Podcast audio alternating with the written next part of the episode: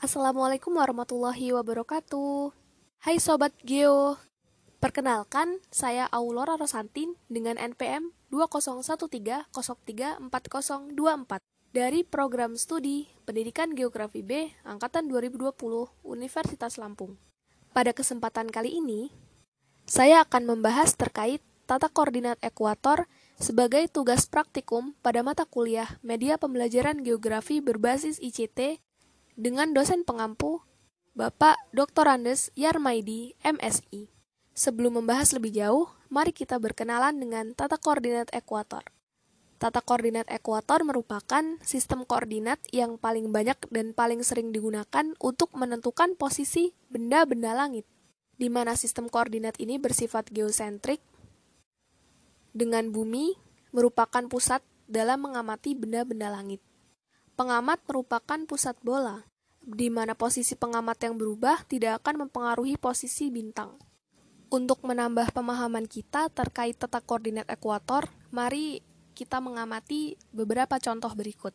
Contoh pertama, yakni diketahui posisi pengamat berada pada 15 derajat lintang selatan dengan deklinasi sebesar 30 derajat lintang utara dan waktu pengamat yakni pukul 17 waktu bintang dengan aksensio rikta sebesar 210 derajat. Langkah pertama yakni membuat lingkaran sebesar 360 derajat dan diameter 10. Lalu setelah itu, kita menghubungkan garis Z yang berada di atas dan garis N yang berada di bawah. Garis N merupakan bagian bawah bumi sedangkan Z merupakan bagian atas, di mana posisinya tidak akan berubah. Lalu kemudian kita membuat kutub selatan dan kutub utara dengan garis putus-putus sebagai penghubung. Posisi pengamat yang berada pada 15 derajat lintang selatan mempengaruhi letak KRS dan KLU. Di mana pada contoh pertama, KLS berada di bagian atas dekat dengan selatan sebesar 15 derajat. Setelah itu, kita membuat garis putus-putus dengan sudut 90 derajat dihitung dari KLS. Langkah selanjutnya yakni menentukan posisi pengamat di mana pada contoh pertama posisi pengamat berada di titik A, yakni 15 derajat, dihitung dari lingkaran yang selalu bergerak searah jarum jam, dan didapatkan titik pertemuan di A. Langkah selanjutnya yakni menentukan deklinasi sebesar 30 derajat, di mana deklinasi sendiri merupakan jarak bintang terhadap ekuator pada contoh satu diketahui deklinasi 30 derajat, yaitu lingkaran pertama ke lingkaran kedua. Dari sini dapat ditentukan pula waktu, yakni 17 waktu bintang yang berada di titik E, dan dapat dicari pula aksensio rikta dari 210 derajat dibagi dengan 15 derajat, hasilnya 14 jam dari situ dapat dibuat garis penghubung dari KLU ke 14 jam atau dari ekuator ke aksensio rikta. Dari situ diketahui bahwa posisi bintang berada di tengah sebagaimana ditunjukkan pada contoh pertama.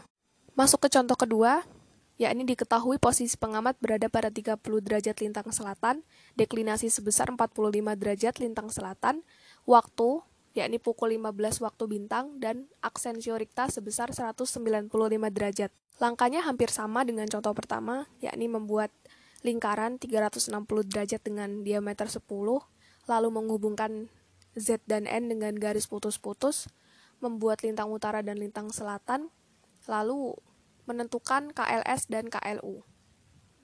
KLS berada dekat dengan lintang selatan, dan KLU berada dekat dengan lintang utara. Setelah itu dibuat garis penghubung antara barat dan timur, lalu dibuat lingkaran pertama dengan waktu pengamat yakni berada pada 15 waktu bintang. Dibuat lingkaran kedua dengan jarak deklinasi sebesar 45 derajat lintang selatan dan dari situ dapat diketahui aksensio rikta yang dihitung dari 195 derajat dibagikan dengan 15 derajat mendapat hasil 13 jam yang ditunjukkan dengan garis berwarna merah muda dari 13 derajat ke ekuator KLS. Maka dapat diketahui dari contoh kedua ini, yakni posisi pengamat berada di titik A dan posisi bintang berada di atas di antara garis aksensio recta yang ditandai dengan simbol bintang. Contoh ketiga, yakni diketahui posisi pengamat berada di 25 derajat lintang utara dengan waktu pukul 13 waktu bintang. Deklinasi pertama, yaitu X, sebesar 20 derajat lintang selatan, dengan aksensio recta sebesar 140 derajat. Deklinasi kedua, yakni Y, sebesar 25 derajat lintang utara dengan aksensio recta Y sebesar 175 derajat. Dan deklinasi ketiga, yakni sudut Z dengan 40 derajat lintang selatan dan aksensio recta sebesar 160 derajat. Langkahnya sama, yakni membuat lingkaran 360 derajat berdiameter 10, membuat garis penghubung antara Z dan N, membuat lingkaran atau garis penghubung antara utara dan selatan, lalu menentukan letak KLU dan KLS. Kali ini KLU yang berada di atas atau di kanan, dekat dengan U yang berjarak 25 derajat. Lalu dibuat lingkaran pertama dari sudut 25 derajat yang dihitung 90 derajat dari KLU atau dari ekuator. Lalu ditentukan Kali ini pukul 13 waktu bintang berada di titik E. Kemudian dibuat lingkaran kedua atau QX yang berjarak 20 derajat lintang selatan. Dari situ dapat dibuat garis penghubung yang akhirnya menghubungkan titik 140 derajat dibagi dengan 15 derajat dan dihasilkan 9,33 jam, di mana posisi bintang berada di lingkaran kedua yang berwarna merah.